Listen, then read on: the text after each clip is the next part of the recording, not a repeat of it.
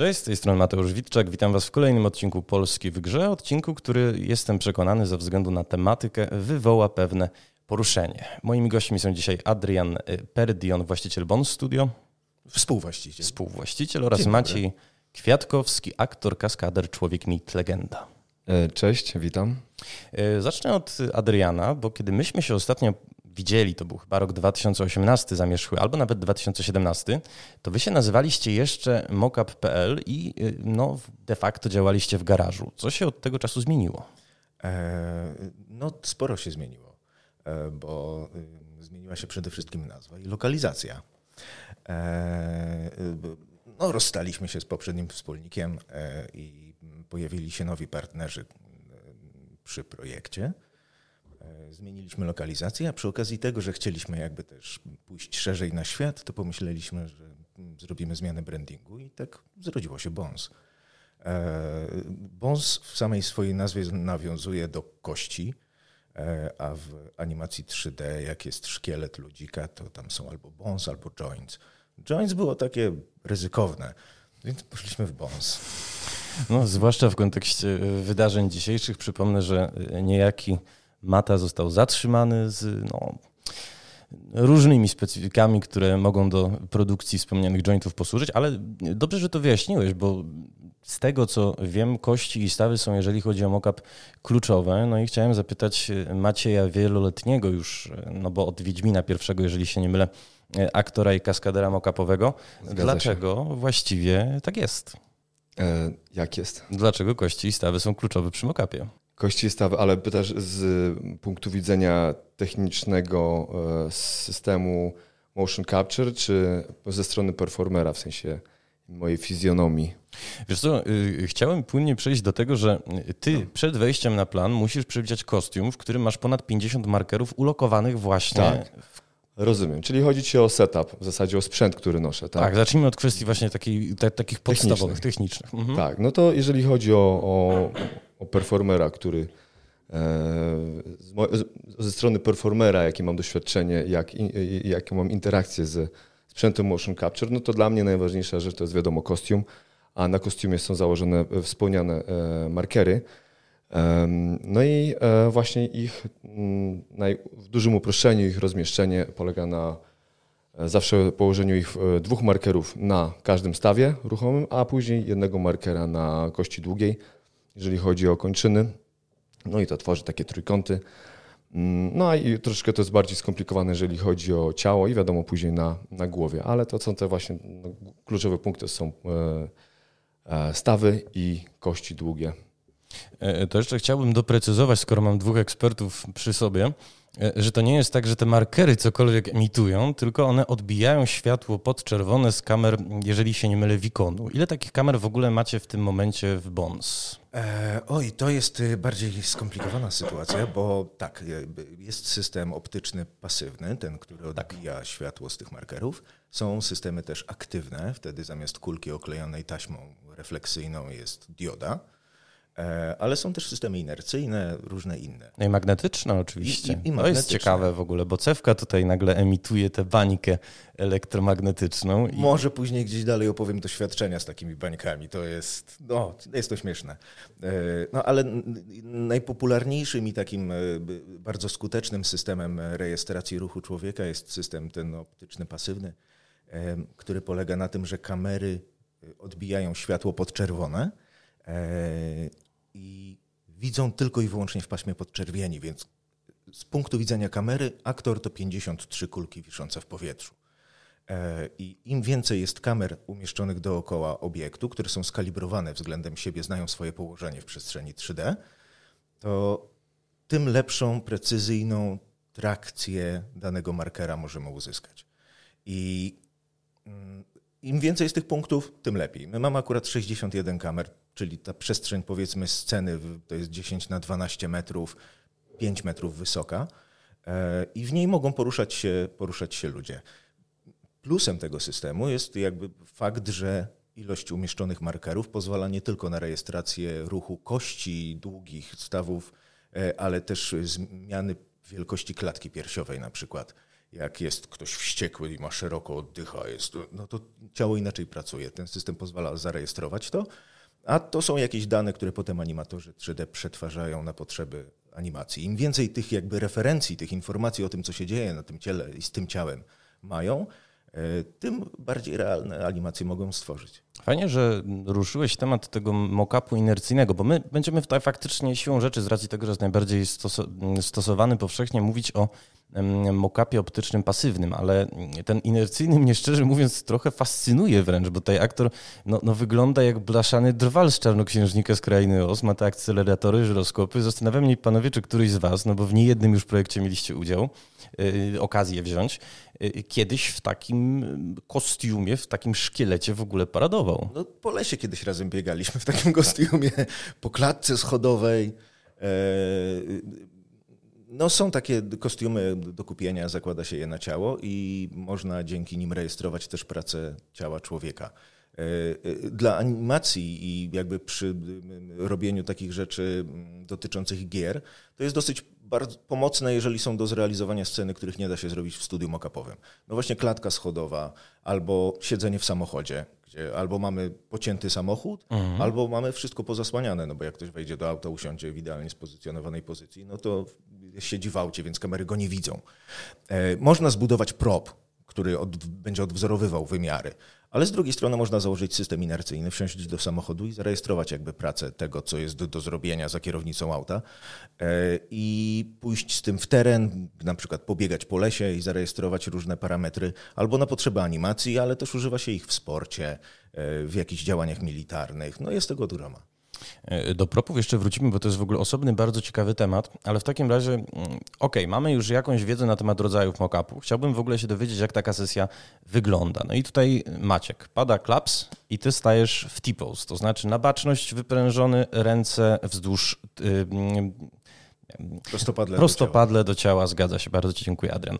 Dlaczego właściwie stajesz w tym T-pose? E, szczerze mówiąc, to e, pełnej odpowiedzi, pełnej odpowiedzi e, mógłby udzielić bardziej animator albo techniczna osoba od, od mockupu. Wiem tyle, że jest, działa to jako klaps, powiedzmy, taki mhm. filmowy, czyli daje po prostu znak w całym materiale, gdzie jest początek i gdzie jest koniec no, interesującej nas części tej, tego nagrania, tej animacji, no bo wiadomo, pada no, ja staję na początku, performer staje na początek na, na hasło, wiadomo, w T-Pose, wtedy zaczyna się nagranie, ruszają kamery i rusza rejestracja i też na tego T-Pose'a e, to nagranie kończymy. A to nie jest tak, że markery są wtedy po prostu doskonale widoczne i to właśnie animatorom później pracę ułatwia? Owszem, tak, znaczy tak, z tego wynika jakby ta poza sama literki T, ale tak samo e, jest stosowana poza A, tak zwany A-pose, gdzie ręce są e, pod kątem 45 stopni odwiedzione od ciała. Mhm. No i tak, oczywiście, wtedy wszystko jest, y, wszystkie są ładnie widoczne.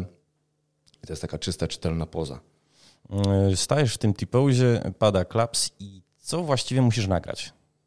No, to zależy y, już dokładnie od reżysera, od, od tego, jak, co potrzebujemy, od co, jakich danych będziemy potrzebowali, jakich danych będzie potrzebował później animator, więc to może być dosłownie wszystko.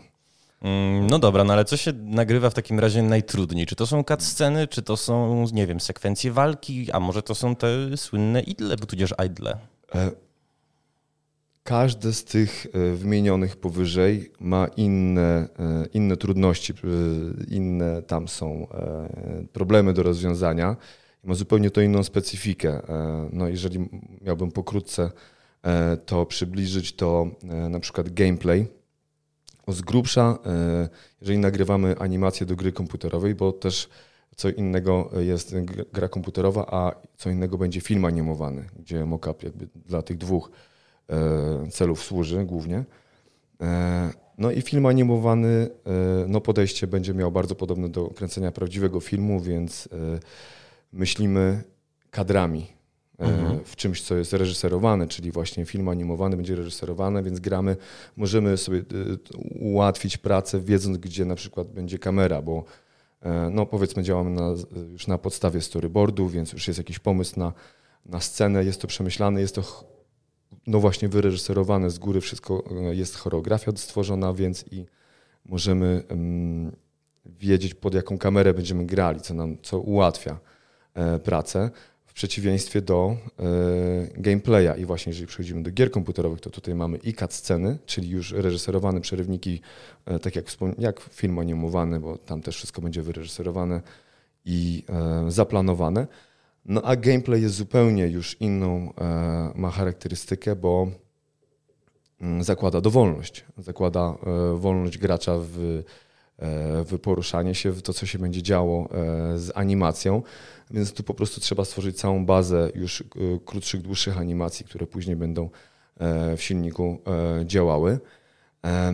No i, no i dobra, i teraz szybciutko jeszcze, jakie problemy powiedzmy. Gameplay, głównym mm, wyzwaniem w nagrywaniu gameplaya jest jego techniczność. E, trzeba być bardzo precyzyjnym.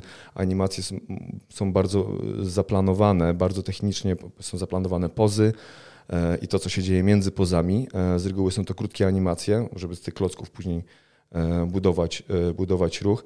Więc po pierwsze trzeba się mieścić w timingach, które czasem są jednosekundowe, czasem trzysekundowe. Chyba, że są to lupy, pętle biegów albo jakiegoś ruchu, no wtedy to może, chociaż nie, no lub to też tam cztery kroki, powiedzmy osiem kroków, no to też ile może to trwać nie dużo dłużej, ale trzeba mieć świadomość timingu, w którym się trzeba mhm. zmieścić. E, no i tych wszystkich pomysłów, które się tam e, zawiera, więc to jest. E, I wtedy masz najtrudniejszy rodzaj animacji, które mają być wizualnie chaotyczne, bo na przykład jest postać, która ma jakieś twitche, jakieś nie, dziwne przykurcze, dziwne ruchy mm, i jest bardzo dynamiczna w sobie. I to wszystko musisz ładnie, czytelnie zawrzeć i mieć kontrolowany chaos na przykład w trzech sekundach takiego idla na przykład, nie? gdzie on, nie wiem, drapie się albo rzucają go jakieś spazmy. Wytłumaczmy tylko to pojęcie, zanim przejdziemy dalej, bo to jest w ogóle bardzo ciekawa sól mock-upu w ogóle, te idle. Idle, idle. No tak, sól mock-upu. Sól tak naprawdę e, poruszania się postaci, która e, żyje jakoś w grze. No i taka zupełna baza. Od tego z reguły zaczynamy. Jeżeli tworzymy jakiś moveset postaci, e, to zaczynamy od ustalenia jej pozy, E, czyli no, jak, jaką, jaką ona pozycję przyjmuje defaultowo, tak domyślnie, no a później cały idle, czyli proces bezczynności. W, mhm. Jak człowiek się stoi i nudzi, no to co on wtedy, co ta postać wtedy robi, nie? Człowiek, postać generalnie, może to być cokolwiek, nie musi być to człowiek, e, ale, ale jest to niby, niby bezczynność, ale jednak pełna ruchu, pełna życia musi być, bo jeżeli postać by stała nieruchomo, wygląda jak, to, jak glitch, jakiś błąd, jakby po prostu gra nie działała, więc ta postać musi mieć życie w sobie. Chociażby to oddychanie, które musi być przerysowane, postać z reguły jest mniejsza e, w oddalonej kamerze i to jest ta właśnie różnica między pracą pod kamerę, pod jakieś kadrowanie, gdzie kadry są bliższe, e, no, chyba, że są, jest to szeroki kadr, no, ale jest to jeden z kadrów, a później przechodzimy węziej, węziej i możemy być w tych ruchach bardziej oszczędni.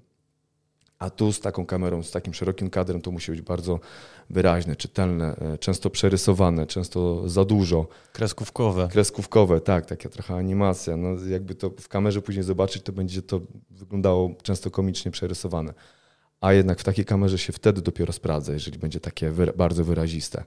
No i w tym idlu właśnie mamy oddychanie, jakieś rozglądanie się, jakieś przestawianie, no, przestępowanie z nogi na nogę, balans. No takie rzeczy, które żywy człowiek też nie stoi bez ruchu. Mało, to znaczy to zależy od temperamentu, jakiegoś tam charakteru e, jednostkowo bardzo, ale mało który człowiek jest w stanie tak stać po prostu bezczynnie zawieszony. Z reguły ktoś ma właśnie szuka swojej pozycji, jakoś tak mu niewygodnie, zawsze ma jakieś podświadome działania, które nie zwracamy uwagi na co dzień, ale jak się by tak kogoś poobserwowało, to zawsze coś się dzieje w ciele, prawda? Jest życie. Ja się trochę podśmiechuję w duchu, bo wy tego co prawda nie widzicie, mówię do naszych słuchaczy, natomiast e, e, Maciek się, mówiąc to też giba trochę, też ma w ogóle, e, zresztą ja też mam bardzo żywą gestykulację, więc tutaj się rozumiemy. Maciek ma aktywnego idla. Tak, Maciek cały czas ćwiczy idle do kolejnych projektów. Ale Adrian, Maciek wprowadził dość ciekawe pojęcie, mianowicie storyboard. Powiedział mm, takie zdanie, działamy na podstawie storyboardu. I chciałbym, żebyś to pojęcie wytłumaczył i zarazem opowiedział mi trochę o tym, co ty w ogóle, jako no, współwłaściciel takiego studia, otrzymujesz od dewelopera przed sesją. E, no to od początku. Storyboard to jest e, rozpisanie historii scenariuszowej na obrazki, na kolejne kadry, ujęcia. Dokładnie tak, jak przygotowuje się je do filmu. Jeżeli ktoś zna gdzieś takie, takie, takie określenie filmowe, to w grach działa ono dokładnie tak samo. Czyli to jest scena bądź jakaś animacja rozpisana na poszczególne ujęcia. I y, w przypadku animacji 3D ten storyboard może mieć jeszcze dwojakie, dwojaką formę, nawet chyba trojaką, e, bo może być zwykłym storyboardem takim w formie PDF-a e, mhm. do przejrzenia jak komiks, e, może być filmem, gdzie te ujęcia po kolei przenikają się i tworzą historię już rozpracowaną też w timeline filmowym, ile trwa poszczególne, poszczególne ujęcie. Może mieć formę też animatika, no, y, powiedzmy, y, to, co się animuje i się nie rusza totalnie, jest stylomatikiem najczęściej. I y, mniej lub bardziej kreatywni ludzie tam jeszcze czasem coś dorysowują, jakieś takie duszki przesuwające się strzałki, że idą w lewo, tu w prawo. E, w animatiku mamy już na przykład przestrzeń 3D. Może jeszcze nie oteksturowaną, ale już są wszystkie mesze. E, mesze, czyli test ściany przedmiotów 3D, które są w, częścią scenografii e, i mamy modele 3D postaci bohaterów. Origowane, czyli mają ten szkielet w środku, mhm. taki, który pozwala poruszać meszem, czyli tym modelem 3D. E, który ma teksturę, czyli kolorki nałożone na tego mesza. Bardzo dziękuję za takie prostlinijne tłumaczenie. E, no jakby z gipsu lepione, nie? więc ma tę warstwę taką, która ma jakąś, no palce wystają, no, zamieniają się to w ręce. To jest, to jest modelowanie tej, tej, tej powierzchni siatki 3D tak zwanej.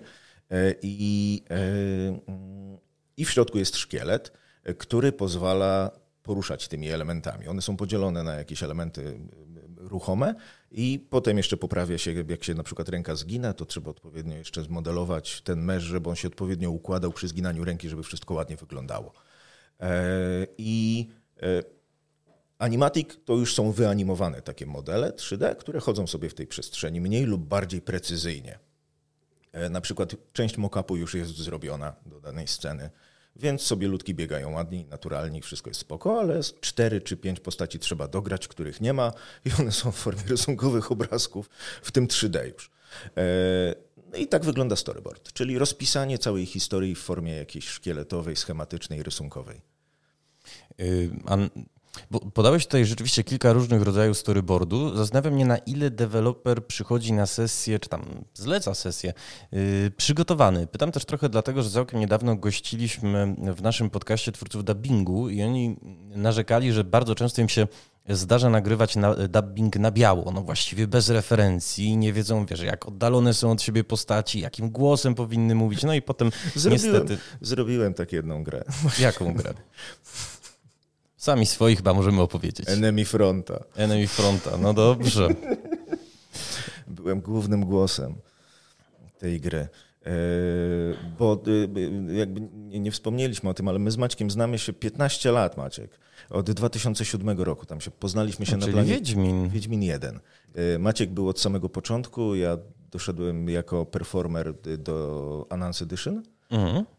i to była moja pierwsza rola, jakby robota mock-upowa bo skończyłem szkołę teatralną wcześniej. U Sztura się dyplomowałeś, wiem, wszystko? Tak, już dyplomowałem się u Sztura, no. E, I jak, e, ponieważ zawsze chciałem robić kreskówki, chciałem grać królika Baxa, no to jak pojechałem tam do tego Frankfurtu, bo tylko tam była możliwość zrobienia mock-upu wtedy e, i założyli na mnie ten kostium, okleili kulkami, wyszedłem, zobaczyłem animujący się szkielet na ścianie z projektora to zapytałem, czy to można by tam nadziać królika Baxa i mógłbym nim animować. Oni powiedzieli tak. To zwariowałem, nie? Już wiedziałem, że nie muszę tylko podkładać głosu, ale będę mógł robić to też ciałem. A potem to już poszło samo dalej. E, a skoro już o Wiedźminie, panowie, bo tutaj poznaliście się na planie jedynki, właściwie w, jeżeli się nie mylę, obaj uczestniczyliście w nagraniach do całej wiedźmińskiej trylogii. No mniej lub bardziej, Maciek pewnie bardziej, bo ja przy trójce już tam e, jako aktor to jakieś minimalne rzeczy, jako studio coś tam dostarczyliśmy, jakąś scenę, natomiast przy trójce już nie. Ale w drugiej części wcieliłeś się do powiedzmy naszym słuchaczom w biczowaną niewiastę, którą można było przez dziurkę od klucza Genera Generalnie zrobiłem tam bardzo dużo męskich postaci, no, jeśli nie większość występującą w scenach, w takich scenach dramatycznych. Kombat cały był Maćka, jak były do dwójki jakieś, czy do trójki? Jak były, do dwójki. Do dwójki. Tak, mhm. jak były jakieś sceny bicia, to też chłopaki często bili mnie. Albo uczyli, jak bić tam wzajemnie. Dużo scen sobie razem partnerowaliśmy, wymieniając się na poszczególnymi rolami. No to były takie zupełne początki, jak się uczyliśmy jeszcze tego, jak się pracuje z mock-upem, czym jest w ogóle 3D. E, no i, i nawet Pewnie obaj jeszcze wtedy nie wiedzieliśmy, że tak bardzo to wpłynie na nasze życie, że 15 lat później będziemy siedzieć i obgadywać kolejne projekty tak, przed audycją. Maciek, tutaj... Maciek będzie miał showreel, wiesz, na 14 kartek A4 wydrukowane po kolei, jakby wymienić wszystkie gry, przy których pracował, e, a ja będę, wiesz, prowadził studio nie? i robił te animacje na co dzień też. Y, jak się właściwie, bo może w takim razie przejdźmy płynnie do kwestii, która no nie znam odpowiedzi tak naprawdę. To znaczy, jak się zaczął w Polsce mockup? Hmm. Bo były, słuchajcie, pamiętam takie dwa duże studia. Jedno większe, myślę o Alverni, drugie mniejsze, myślę o Soul Interactive, w którym zresztą y, nagrywano intro do Wiedźmina drugiego, bo, bo tam dźwig musiał wjechać na plan, była to duża wtedy rzecz. Natomiast oba te studia padły. Y, kiedy właściwie motion capture zaczęło być w centrum zainteresowania polskich y, deweloperów i kiedy zaczęło być realizowane lokalnie? Z tego co, z tego, co ja wiem, to pierwszym mock-up, o którym się mówi, w zasadzie, który powstał w Polsce, to był e, mock-up do Wiedźmina pierwszego, ale to były jeszcze takie przymiarki, mhm. takie pierwsze próby. Nie wiem, to mógł być 2003 rok. E, I to jest, e, no gdzieś tam tu już wspominali jako ciekawostkę deweloperzy o tej akcji i to był Borys Szyc, który nagrywali jeszcze w podziemiach jakiegoś, e, jakiegoś szpitala w Warszawie, który był w posiadaniu bardzo prostego systemu mockupowego do celów ortopedycznych, właśnie e, e, medycznych. No i to był jedyny dostępny mockup w zasadzie wtedy tak w Polsce. I no Borys Szyc wtedy miał zagrać jakiegoś utopca chyba, ale jakoś taką poczwarę jakiegoś właśnie umarlaka. E, nie wiem, czy to był ten utopiec, który się pojawia w pierwszym ever trailerze do Wiedźmina jedynki, gdzie Wiedźmin idzie przez... Um, bagna jakieś. E, wiesz co, to, był, e, to były e, kanały. Przez kanały mhm. idzie, szura mieczem po ścianie i tam jakiś utopiec pożera ciało. Nie wiem, czy to było to, czy to były jakieś jeszcze wcześniejsze przymiarki zupełne. E, i czy ten materiał w ogóle ujrzał światło dzienne. Czyli chcę tak. wielkimi literami powiedzieć, jest szansa, że pionierem mock-upu w Polsce był Borys Szyc. To mogłoby być za dużo powiedziane, ale mógłby być pierwszą osobą, która robiła taki... E, performance. Taki performance, tak, no bo e, jeszcze z tego, co z drugiej takiej archaicznej akcji, o której słyszałem, to Michał Hrydziuszko kiedyś też nagrywał do jakiegoś swojego wewnętrznego projektu też jakiś prosty, na jakimś prostym mockupie e, zupełnie e, materiał, ale to były, no to wiesz, to były tak archaiczne czasy, że ja nawet nie wiem, czy ten materiał był do użycia do końca. To była bardzo, bardzo prosta, bardzo proste dane, na których na pewno było później masa. To była taka baza do pracy dla animatora bardziej, nie? Mhm. Były bardzo proste. No, no, na, na systemach starych mockupowych miałeś niewiele danych. To było, nie wiem, sześć kamer na przykład. Nie wiem, ile było markerów, nie pamiętam, ile w tych setach było markerów, ale teraz jak są 53, no to wtedy było ich dramatycznie mniej. Więc tych y, ilość detali, jakie mogłeś złapać, no to były bardzo proste. No kończyny się poruszające, ale jakiegoś detalu w ruchu to tam nie było zupełnie. Mm, także takie mam, y, taką mam wiedzę o tym, przed, przed tym, co się działo przede mną. Bo y, ja na pierwszą sesję mockupową, na jaką poleciałem, to polecieliśmy w 2006 roku e, do Animazu, francuskie studio. Nie, chyba jeszcze istnieje, nie wiem czy jako studio mockupowe, ale zajmują się animacją i chyba e, VR-em w tym momencie. W tamtych Mocnie. czasach. W tamtych czasach no to mieli jakieś tam takie studio mockupowe na bardzo prostym E, też jeszcze e, systemie. E, można zobaczyć z tego making of na YouTubie, jeżeli się wpisze making of Witcher One, który ma dwie części. To pierwsza część mówi o przygotowaniach naszych do Wiedźmina jedynki, co było zupełnym naszym pierwszym doświadczeniem ever, pierwszym projektem, ale już jakby z grubej rury, bo mieliśmy zaprojektować cały system walki, cały system poruszania się dla Wiedźmina, więc nie było to, więc od, od razu leciliśmy z grubym projektem, nie? E, no a druga część już jest z sesji mockupowej, która odbyła się w Animazu. E, no i to był, mówię, 2006 rok i z tego, co mi się wydaje, to był pierwszy prawdziwy taki, e, pierwsza sesja taka w pełnym wymiarze. Mhm. Że to było nagranie setów animacji, a nie tylko jakichś przymiarek, nie jakichś testowych rzeczy, tylko taką komercyjną pierwszą dużą rzecz żeśmy wtedy nagrali. E, a słuchajcie, z waszych e, historii wiedźmińskich, e, bo tam naprawdę krążą niekiedy niesamowite anegdoty, typu, że nie wiem, 20-litrowy baniak z wodą odgrywał no, koleżankę. Koleżankę, tak, podczas sceny no, prokreacji. Chyba można tak powiedzieć.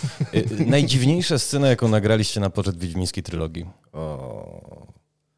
No to no, już opowiedziałeś to. No, to jest taka scena w dwójce gdzie w domu uciech e, bohater zagląda przez dziurkę od klucza do pokoju i tam jest na łóżku klęcząca niewiasta i druga z pejczem ją tam smaga, to ja jestem tą smaganą.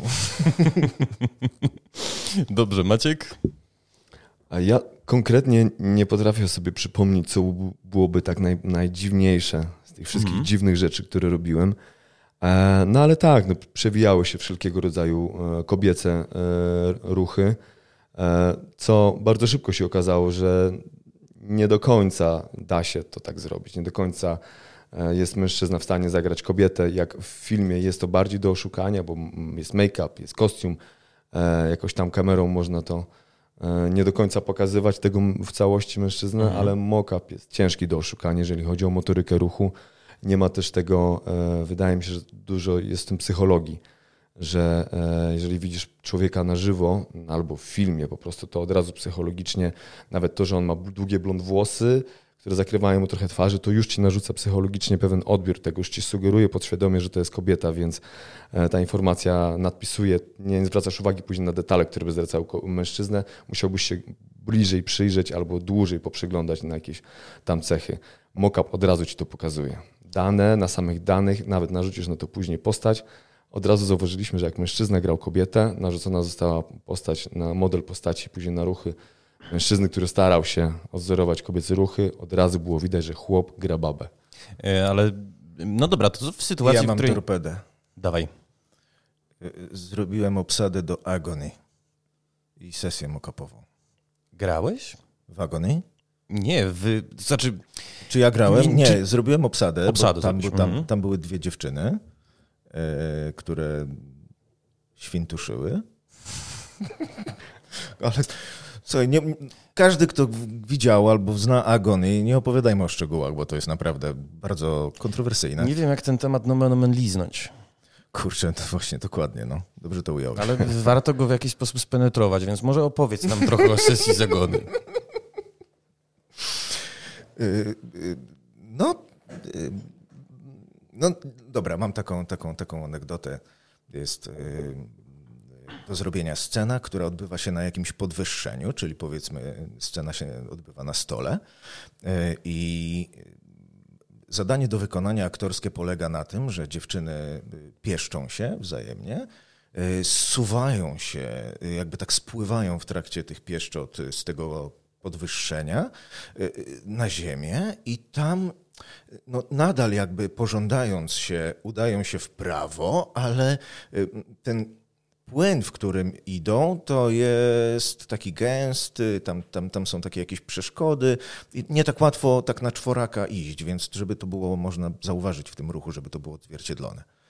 No i dziewczyny tak mówią spoko, do zrobienia, ale tak zaczęły dopytywać o szczegóły. No i okazało się, że ten stół to jest katafalk, yy, yy, ten płyn to jest jakaś krew z ropą, z różnymi takimi dodatkami nietypowymi.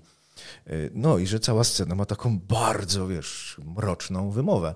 No trudne zadanie aktorskie do zrobienia. Tak, bez y, Gra jako taka, no tam y, popularność zdobyła chyba dosyć dużą i kontrowersji narobiła. Potem ją wycofali. tysięcy, jeśli się nie mylę. Ona teraz chyba zmieniła się w jakąś inną grę. Sukubusa, znaczy sequel wydano i teraz planują też spin-off strategiczny. No, no i to no, takie projekty są właśnie nietypowe nie, do robienia, bo tam są dużo dziwnych rzeczy do zagrania. No ale tutaj faktycznie miałeś dziewczynę, a Maciek poruszył jedną kwestię, która wydaje mi się wymaga rozwinięcia. To znaczy, y, masz określone warunki fizyczne.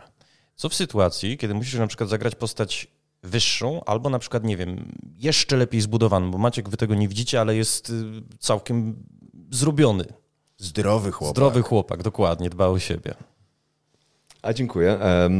Słuchaj, jeżeli chodzi o granie postaci, które są, które różnią się od performera budową bądź wagą, no to zdecydowanie łatwiej jest pójść, że tak powiem, w górę, w sensie mhm. aktora dociążyć bądź go pogrubasić, jak to się mówi, niż pocienkować. E, czyli właśnie ciężej jest zagrać e, kobietę e, mężczyźnie, bo jest z, natury fizycznie jest trochę ciężej zbudowany, ma trochę więcej masy mięśniowej, grubsze kości, mniejszą generalnie taką gibkość w ciele. No to mhm. jest, przyjmuje się, że około 30% kobiety są bardziej gibkie, ale mają 30% też mniej masy mięśniowej i są mniej mm, przez to silne, więc no nie oszukasz tego i też inne proporcje bioder i tak dalej, i tak dalej, co jest bardzo wyraźne w, w chodzeniu na mhm. przykład. Mhm. To jest no turbo trudne, żeby mężczyzna zagrał kobiecy chód, to słyszałem tylko legendy, ktoś w dwóch studiach utrzymywali, że był u nich aktor, który zagrał chód kobiety. Jestem bardzo sceptyczny. Panie kolego, polecam musimy... obejrzeć dowolny występ drag queen. Naprawdę da się to zrobić. E, a chciałbym zobaczyć, jak na mokapie to wygląda. O to hmm. powtarzam, że jeszcze jak masz żywego człowieka albo nagranego e, live action, to jeszcze hmm. to, to łykasz, ale później widzisz to na danych i kurczę, jakaś taka jest magia w mokapie, że, że od razu to widać. Mokap, że nie tak, oszukasz mokapu. Cię, no, bardzo, bardzo ciężko, bardzo ciężko oszukać mockup. Od razu widać najmniejsze detale ruchu.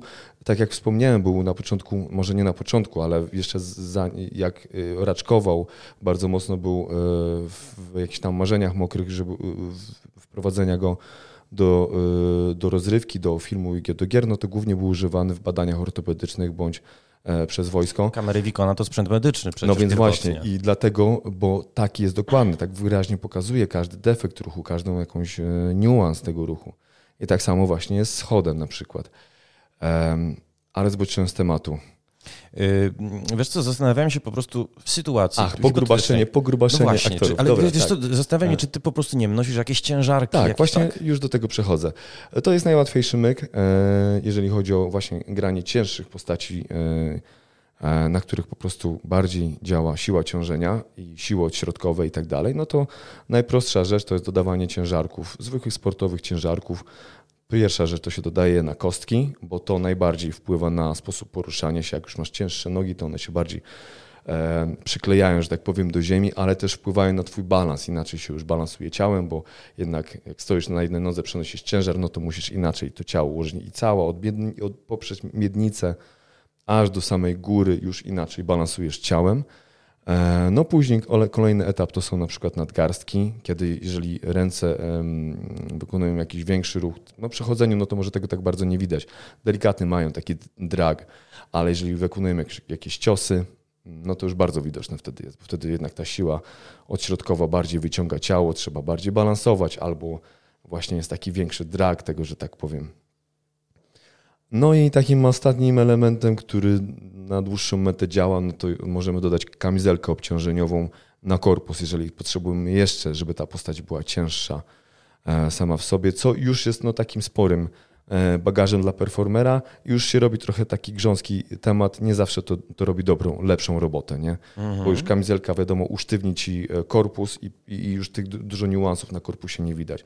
Jeżeli to jest postać na przykład jakaś w zbroi, albo w pancerzu wspomaganym, tak jak robiliśmy to do gry e, Surge i Surge 2, e, Deck 13, e, Deck 13, jakby oni to powiedzieli. I to wtedy korzystaliśmy właśnie z pełnego tego setupu i to fajnie zrobiło, bo postacie tam biegają w pancerzach wspomaganych, więc to faktycznie ma być takie troszkę sztywniejsze i, i zrobotyzowane i fajnie to dane robiły. To było fakt takie, wiesz, już no, czuć było w tym moc, nie? że to chodzenie jest takie przesadzone, dosadzone. I to jest w miarę easy technicznie.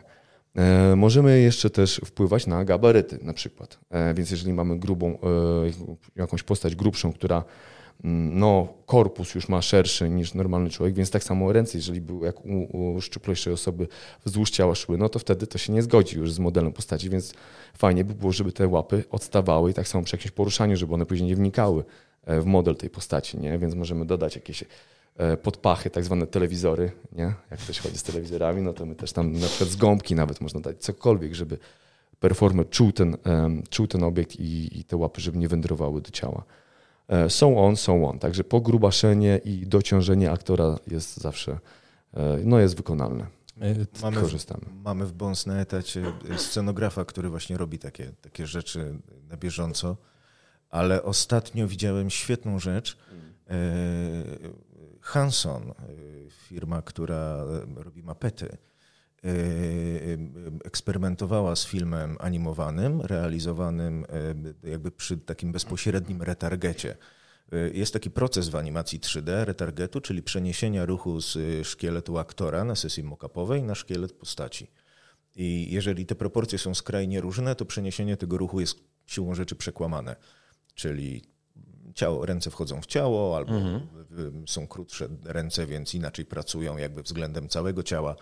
E, I e, często aktorów dobiera się jakby pod kątem proporcji w scenach, żeby potem ten retarget był bardziej precyzyjny i żeby efekt był e, bardziej realistyczny, nie, nie przekłamany przez ten proces retargetingu. Ale mm,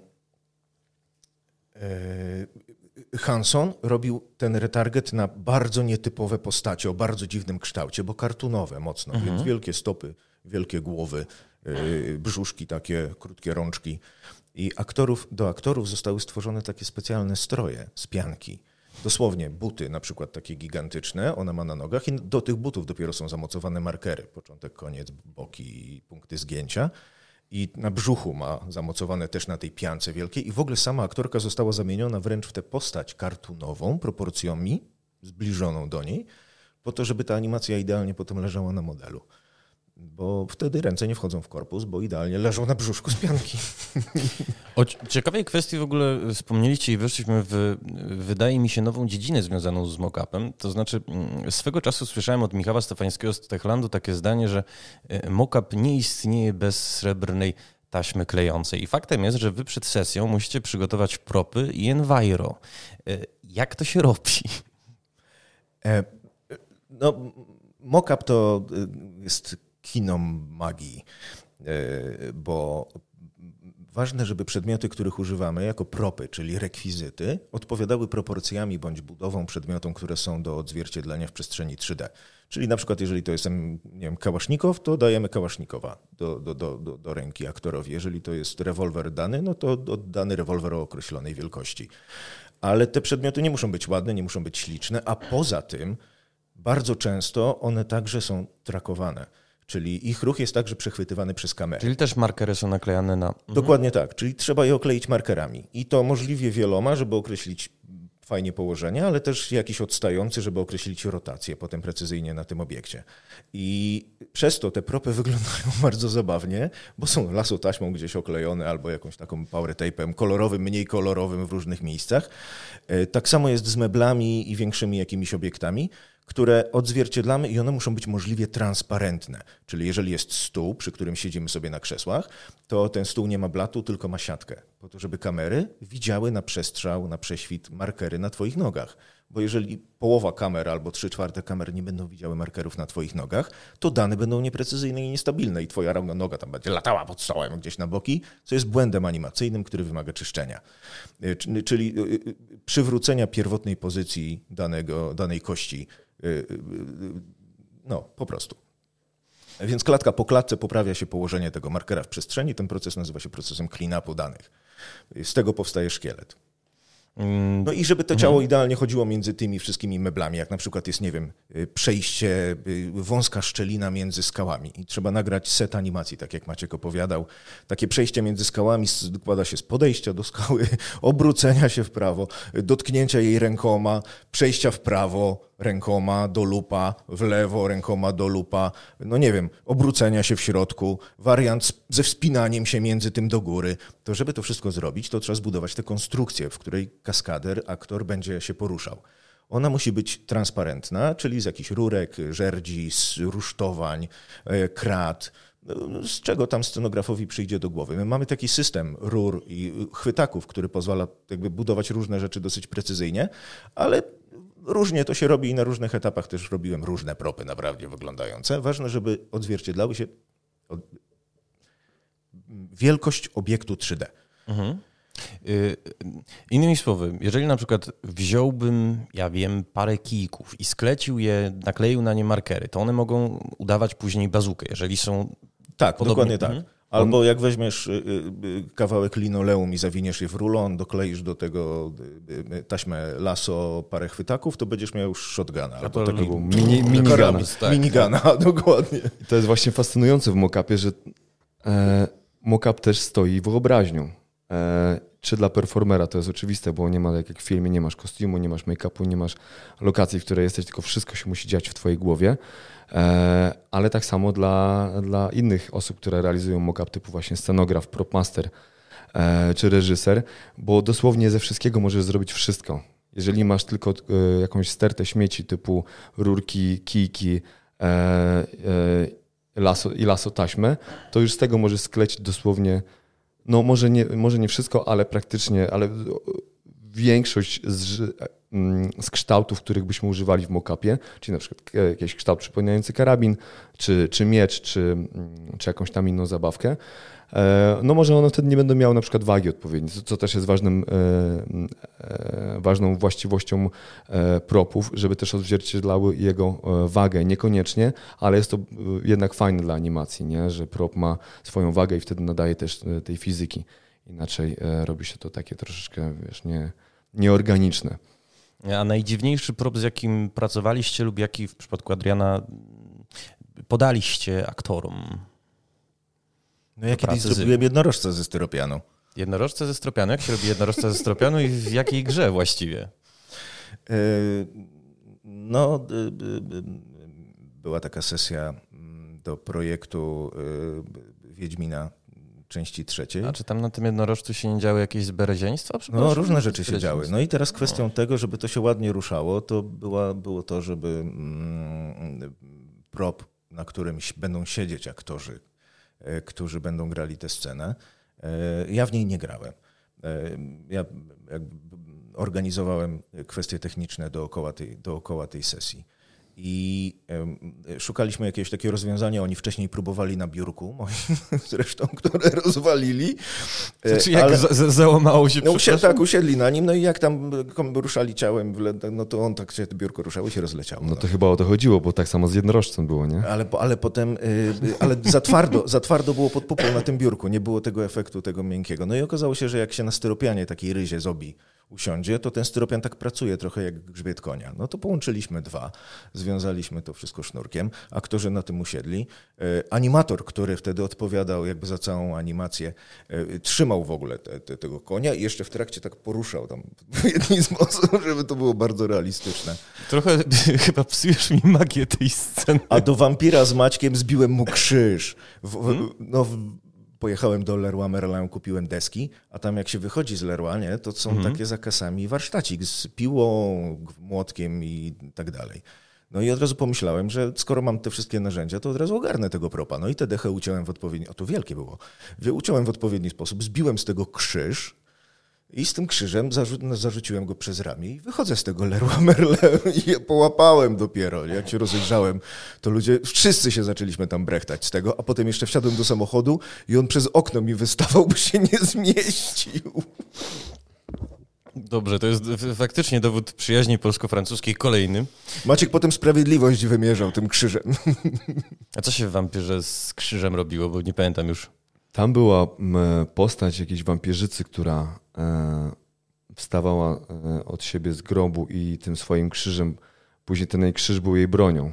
Hmm. Także był to jeden z bossów. Ja nie wiem, ja nie grałem w grę, pamiętam tylko... Krzyż jako broń, to bardzo tak. takie tak, wymowne. Tak, tak. Tak, Ale nie, nie, nie, zatrzymujmy się w takim razie, bo Wiesz, tutaj... trudno, trudno pamiętać też wszystkie szczegóły, bo Dokładnie. tak jak Maciek opowiadał, no, e, jak robi się gameplayowe animacje, to, to są pięciosekundowe elementy, z których zbudowany jest cały ruch w grze.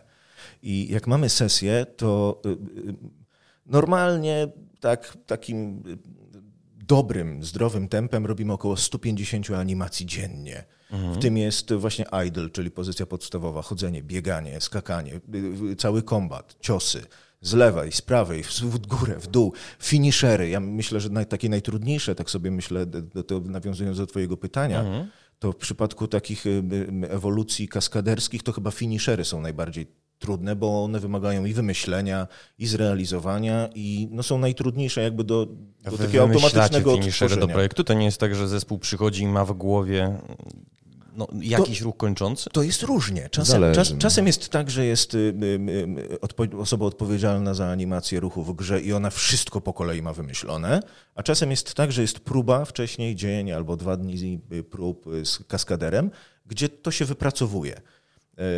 Jakie animacje są do zrobienia? Maciek często proponuje jakieś rozwiązania i różne rzeczy. No przecież ten twój, no nie wiem, ten, no, jakby charakterystyczne ciosy muszą też być w każdym projekcie. Nie? Każda postać musi też trochę inaczej wyglądać, trzeba wymyślić do tego te rzeczy. I, i łupiesz tego 150 animacji w ciągu dnia. A jak jest naprawdę ostre tempo, no to można i 200 albo 250 zrobić. No wtedy to jest, to jest orka, bo to jest bardzo intensywna robota też no i, i, i E, ale też z tego powodu, jak robi się dużo projektów, to też nie wszystko pamiętasz dokładnie. E, chciałem Cię w ogóle zapytać o dwie podgrupy, z braku lepszego określenia animacji. Mm, pierwszą są dłonie, bo ja na przykład mam takie wciąż żywe wspomnienie z niemieckich przygodówek, w które swego czasu grałem bardzo dużo. E, tam w momencie, w którym postać na przykład wręczała innej postaci przedmiot, to albo miała płaskie dłonie i jedna i druga, mhm. albo kamera taktownie odjeżdżała do góry. I się zastanawiam, czy to nie wynika z czy, czy, czy, ręce trudno jest tak naprawdę zmokapować? Zmokapować w chwili obecnej już nie, ale no pewnie wtedy, kiedy grałeś w te gry, to w ogóle dłonie trudno się animuje. Animatorowi ręcznemu trudno jest. Są, są wyspecjalizowani animatorzy od tego, żeby animować dłonie i ruch dłoni. Mhm. Tak samo jak ci jeszcze bardziej powiedziałbym, chyba wyspecjalizowani od twarzy, którzy potrafią ręcznie wyanimować całą twarz klatka po klatce, wszystko i ona wygląda bardzo realistycznie. E, ale no, y, ponieważ pewnie trudno był, podstawowa pozycja tych dłoni to jest mhm. właśnie takie otwarte łopaty, to nazywamy. Jak nie ma, nie ma animacji dłoni i jest podgląd na modelu, to one często tak machają tymi wiosłami. E, I są do tego specjalne rękawiczki. Właściwie jest kilka metod rejestrowania dłoni. Można te markery, które kleimy do ciała, przykleić także do palców. E, najczęściej na końcówki pięciu palców e, i do tego śródręcze rejestrujemy, więc mamy, mamy punkty odniesienia, e, albo na trzy palce, żeby było łatwiej, a potem resztę palców się będzie z automatu łapało. W, w synchronie pracują często te dłonie nasze, albo używa się rękawic. Rękawic mhm. są znowu dwie technologie na rynku. Jedna to jest inercyjna, podobna do tych kombinezonów, czyli masz takie wielkie czujniki, w środku jest akcelerometr i żyroskop przyklejone do paluchów. Ona jest ciekawa, ale bardzo nieprecyzyjna, ponieważ to są urządzenia, które są bardzo wrażliwe na pole elektromagnetyczne. I wystarczy, że gdzieś naprawdę zakłócenie jakieś pola, to się te dłonie tam rozjeżdżają, paluchy się wyginają w jakieś dziwne wzory. E, I druga, która mm, polega na umieszczaniu takich pasków, które przylegają ściśle do każdego palca w rękawiczce i urządzenie mierzy siłę zgięcia tego paska.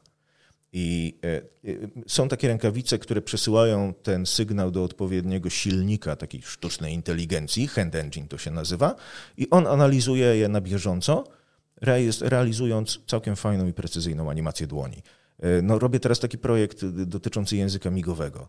I no tam... Polskiego? Tak. Mhm. No, ja demo. Nie tylko. E, I, a i tam praca palców jest kluczowa, nie? Mhm. No i te, te, takie rękawice bardzo dobrze się do tego sprawdzają i świetnie, świetnie działają. Dobra, ręce mamy, dłonie mamy załatwione, co z twarzami? Bo tutaj mi inne wspomnienie się kołaczy, mianowicie swego czasu bardzo się chwaliło realistyczną mimiką i słusznie. E, Team Bondi, twórcy LA Noir, oni zbudowali takie specjalne sferyczne studio, mhm. które tam no, z każdej strony rejestrowało niuansy mimiki aktorów. Czy to, jest, czy to się stało standardem i dlaczego nie? Ty, tam jest chyba niezła historia za tym, bo oni zdaje się tyle wydali na te technologie, że potem ze sprzedaży gry nie zarobili na utrzymanie studia i się zawinęli. tak, to prawda. E, e, to jest akurat jednostkowy przypadek animacyjny, kiedy została stworzona unikatowa technologia na potrzeby projektu i potem nikt jej nigdy więcej nie wykorzystywał. Mhm. Tam do niej było kupa problemów. Bo po pierwsze, to wszystko było rejestrowane w jednym studiu, takim białym, oni byli w tych fartuchach, ich głowy były nagrane i były nagrane, wiesz, siedząci kolesie gadali różne rzeczy, a w grze ci kolesie biegali, strzelali do siebie, ganiali się i to była już pierwsza nieprawda aktorska, taka te łby były dziwne. I oświetlenie i w ogóle. I, i, I tak, ruch oczu, to bardzo nienaturalne momentami. Nikt tak nie animuje dzisiaj, to tak nie wygląda. Mhm. Do rejestracji twarzy yy, używa się, no i znowu tu mamy wiele różnych rozwiązań. Jednym takim najbardziej, najłatwiej i najszybciej przychodzącym na myśl to jest wzięcie tych markerów, zmniejszenie ich wielkości i przyklejenie ich do twarzy aktora. Robiło się tak. Jest to cholernie niewygodne, bo wystarczy trochę pobiegać, pocisz się, one odpadają. No, potem animatorzy krzyczą, no są same problemy. Drugie rozwiązanie to są kaski które mają jedną, dwie, trzy, cztery kamery, mhm. które rejestrują twarz w formacie wideo. Y, czasem z podczerwienią, czasem bez, czasem się rysuje jakieś markery na tej twarzy mazakiem, y, żeby ułatwić pracę, czasem nie. To jest zależne od tego, jak ten system działa. System wideo w każdym razie, jako taki, co do zasady, działa w taki sposób, że później w postprodukcji, nie, dobra, na sesji nagrywasz pełen performance, tak zwany performance capture. Performance capture, tak. Czyli full body, y, z twarzą, z dłońmi, z ciałem. Z tego uzyskujesz trzy źródła informacji, które w timecodzie, czyli w synchronizacji, siedzą sobie w jednym folderze na komputerze w pliku yy, cięcie mieczem. I tam masz szkielet yy, z propem prawdopodobnie, ciało full body ze śródręczem, dane z rękawiczek yy, w synchronie z timecodem do tych danych i wideo w synchronie z, z audio wgranym. Mhm. I bierzesz sobie to wideo, wrzucasz do odpowiedniego oprogramowania, tam na twarzy aktora zaznaczasz, gdzie ma brwi, gdzie ma nosa, gdzie ma usta, jakie ma krawędzie. Czasem jak y, te usta są mało kontrastowe, to się je maluje, na przykład szminką aktorowi na sesji, albo rysuje krawędzie dookoła. E, I, i potem komputer klatka po klatce, im więcej tych klatek i lepszej jakości, tym bardziej precyzyjnie analizuje sobie przemieszczenie się tych elementów anatomicznych względem siebie. Mhm. I w ten sposób uzyskujemy z tego bardzo realistyczne źródło informacji, które tworzy siatkę animacyjną, która jest bazą do tego, żeby animować potem modelem e, bohatera.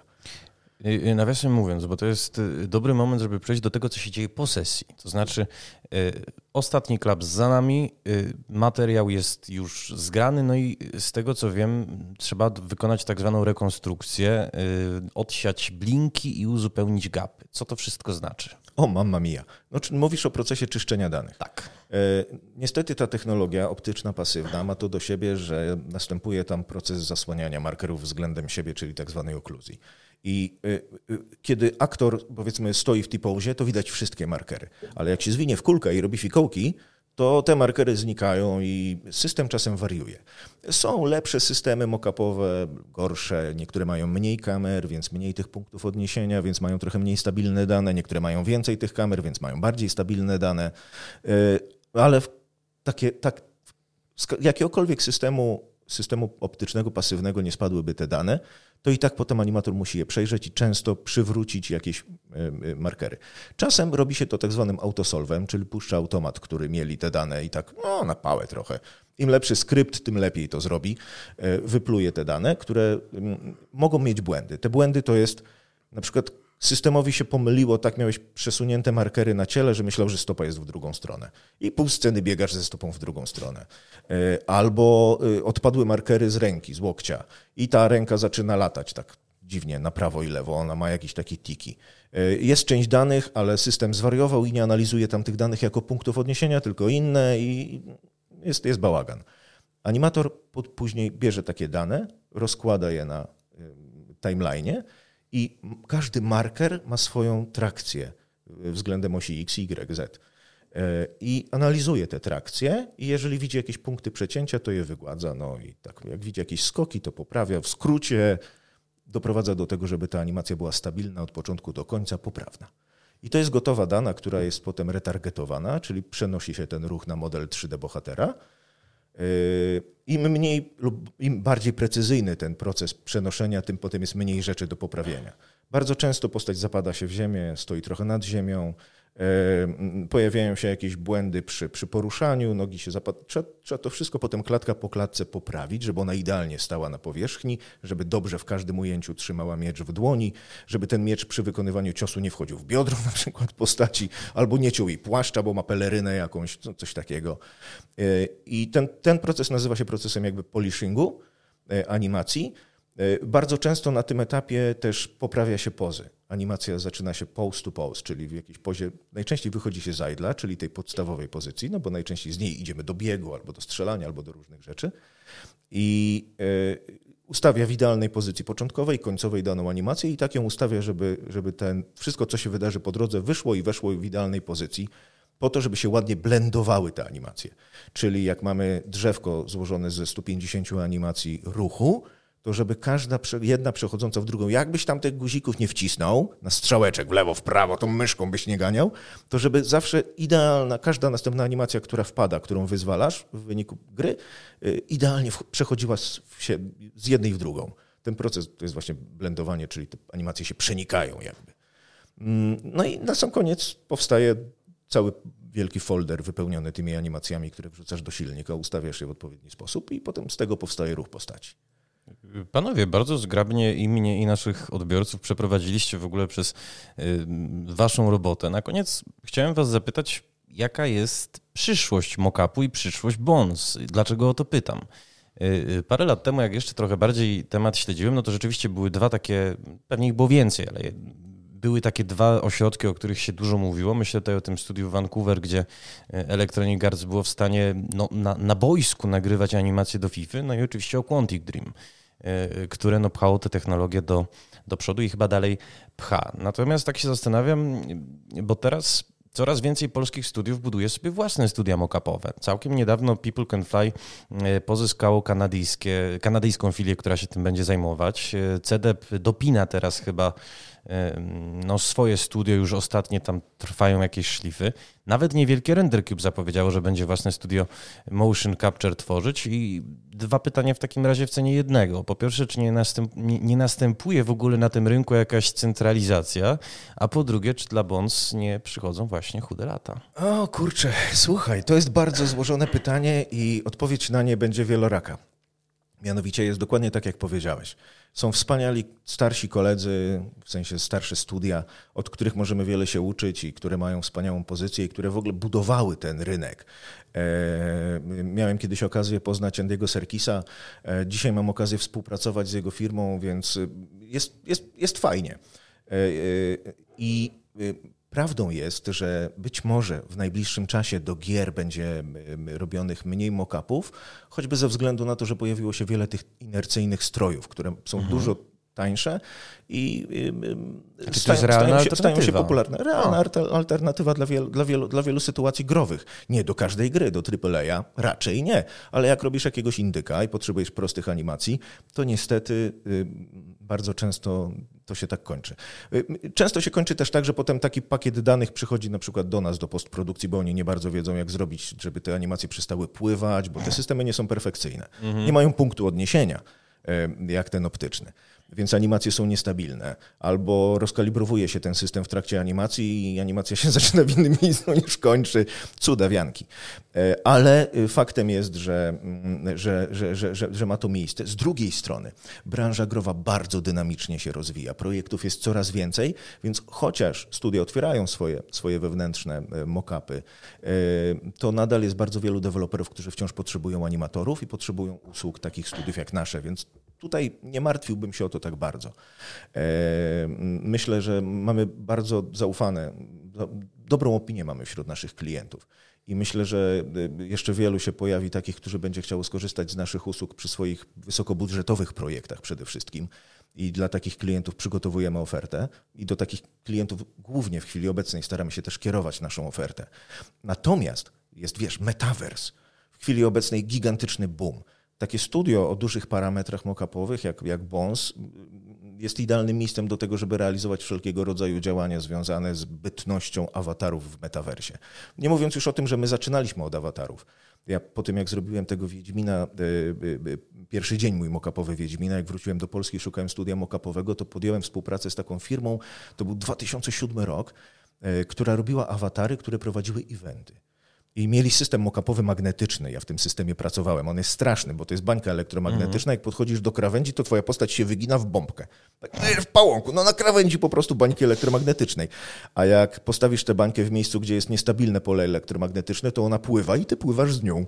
No, śmieszne. śmieszne no, coś śmieszne. surrealnego by można zrobić śmieszne, na bazie takiej sesji. Śmieszne rzeczy. Dzisiaj te awatary są bardzo, coraz bardziej popularne. I to też jest miejsce, gdzie y, y, mockup znajdzie swoje miejsce bez problemu. No a poza tym no, mamy też jakby swoje własne wewnętrzne projekty. Rozwój wirtualnej produkcji skłonił nas do tego, żeby iść w produkcję animacji e, produkowanych na żywo. I chcemy stworzyć pipeline do produkcji filmowej i serialowej e, na potrzeby jakby platform cyfrowych, czy, czy telewizji, czy YouTube'a albo do tego, żeby łatwo i szybko produkować animacje cutscenowe, co także jest kierowane już do powiedzmy double A'ów i triple A'ów, e, jako możliwość do szybkiej produkcji cutscen e, w anima- takiej jakości już e, emisyjnej powiedzmy. Więc mamy też pomysły na rozwój tego. Staramy się nie trzymać wiesz, wyznaczonych linii. Poza tym też nie oszukujmy się, rozwój sztucznej inteligencji w chwili obecnej powoduje, że naprawdę już uzyskuje się pracę szkieletu z materiału wideo. Dosyć dobre są te materiały. Używa się iPhone'a do animacji twarzy postaci, już nie wiem, czy na, na jakimś Instagramie, czy, czy, czy w różnych innych aplikacjach można sterować anim, animacją twarzy awatara za pomocą iPhone'a, który masz przed, przed sobą. Bo on ma wmodowany lidar czyli taki skaner, y, który, czy laser, który wysyła kilka tysięcy punktów na twoją twarz i po prostu bardzo precyzyjnie trakuje położenie twojej twarzy. Tam jest chyba 51 blend shape'ów do tego, więc tych ilości, tych grymasów twarzy postaci jest ograniczony wachlarz, ale, y, ale działa to i wygląda świetnie. W przypadku kartunowych postaci, do, jeszcze do wideo, do filmów tego nikt nie używał, ale... I jeszcze? No właśnie, e, więc e, to e, jest fajnie, bo idzie metaverse, więc naprawdę będzie bardzo dużo światów 3D do kreowania i do tworzenia. I też poza tym, że będzie do tego dużo pracy, to, to jest też fajne miejsce do rozwijania się dla ludzi dla ludzi, którzy szukają swojego miejsca na świecie, mają jakąś artystyczną duszę. Praca animatorów 3D jest po prostu naprawdę bardzo wdzięczna, a i także bardzo dochodowa, bo, bo, bo to jest branża, gdzie um, pracuje się przy globalnych projektach e, z zagranicznymi firmami, więc te wynagrodzenia są bardzo atrakcyjne, dynamicznie rosną. E, I jest to fajne i atrakcyjne miejsce do rozwoju dla ludzi. Namawiam serdecznie, jeżeli ktoś szuka jakiegoś swojego miejsca na Ziemi, to Kurs animacji postaci do gier komputerowych to jest na pewno bardzo dobry kierunek. E, nauka i edukacja w obrębie Unreala, tego jak operować asetami 3D w środowisku e, silnika graficznego, to jest też doskonałe pole, bo branża filmowa w chwili obecnej łaknie ludzi, którzy będą im stawiali drzewka, lasy i, i różne inne rzeczy na LEDowych, gigantycznych ekranach w studiach. Dzieje się to, co e, pamiętam, nie, chyba w 2016 roku zrobiłem takiego TEDxa, e, opowiadając o tym, jak e, ludzie powinni, znaczy, no, jak ludzie powinni, nie, o, Perdion mówi. Namawiałem I popularyzowałem to, że rozwój silników graficznych doprowadzi do tego, że będą ograniczone wyjazdy w plenery na zdjęcia. Będą, będzie można realizować filmy z wykorzystaniem tego, co wyrenderuje komputer, bo to będzie po prostu naprawdę fotorealistyczne. I im szybciej nauczymy się tych kompetencji, im szybciej nauczymy tych kompetencji artystów, młodych, dzieci, Y, jak programować i jak poruszać się w środowiskach 3D silników graficznych, to one będą mogły realizować swoje pasje właśnie w takich wirtualnych światach jak Metaverse, który dzisiaj się pojawia, czy przy produkcji filmów na własnym komputerze, na własnym PC w domu będzie można zrobić super fajny film. Tylko trzeba chcieć i wiedzieć jak. I im więcej osób się tego nauczy, tym rozwój tej branży w Polsce będzie, będzie, będzie dużo szybszy i dużo sprawniejszy. Będzie jeszcze więcej gier fajnych, będzie jeszcze więcej fajnych filmów i myślę, że wszyscy będziemy po prostu mieli dużo fajnej pracy. No. Adrian już de facto nam zaczął kolejny podcast, także bardzo Ci serdecznie e, dziękuję. No i oczywiście życzę, żeby pracy, nie tylko zresztą przy Game Devie, e, Wam w najbliższych latach, panowie, nie zabrakło. Przypomnę, że na nasze niepospolite ruszenie odpowiedzieli dzisiaj Adrian Perdion, współwłaściciel Bond Studio. I dziękuję bardzo za to, że wysłuchaliście naszych opowieści i za wspólny czas. I Maciej Kwiatkowski. Dziękuję Wam.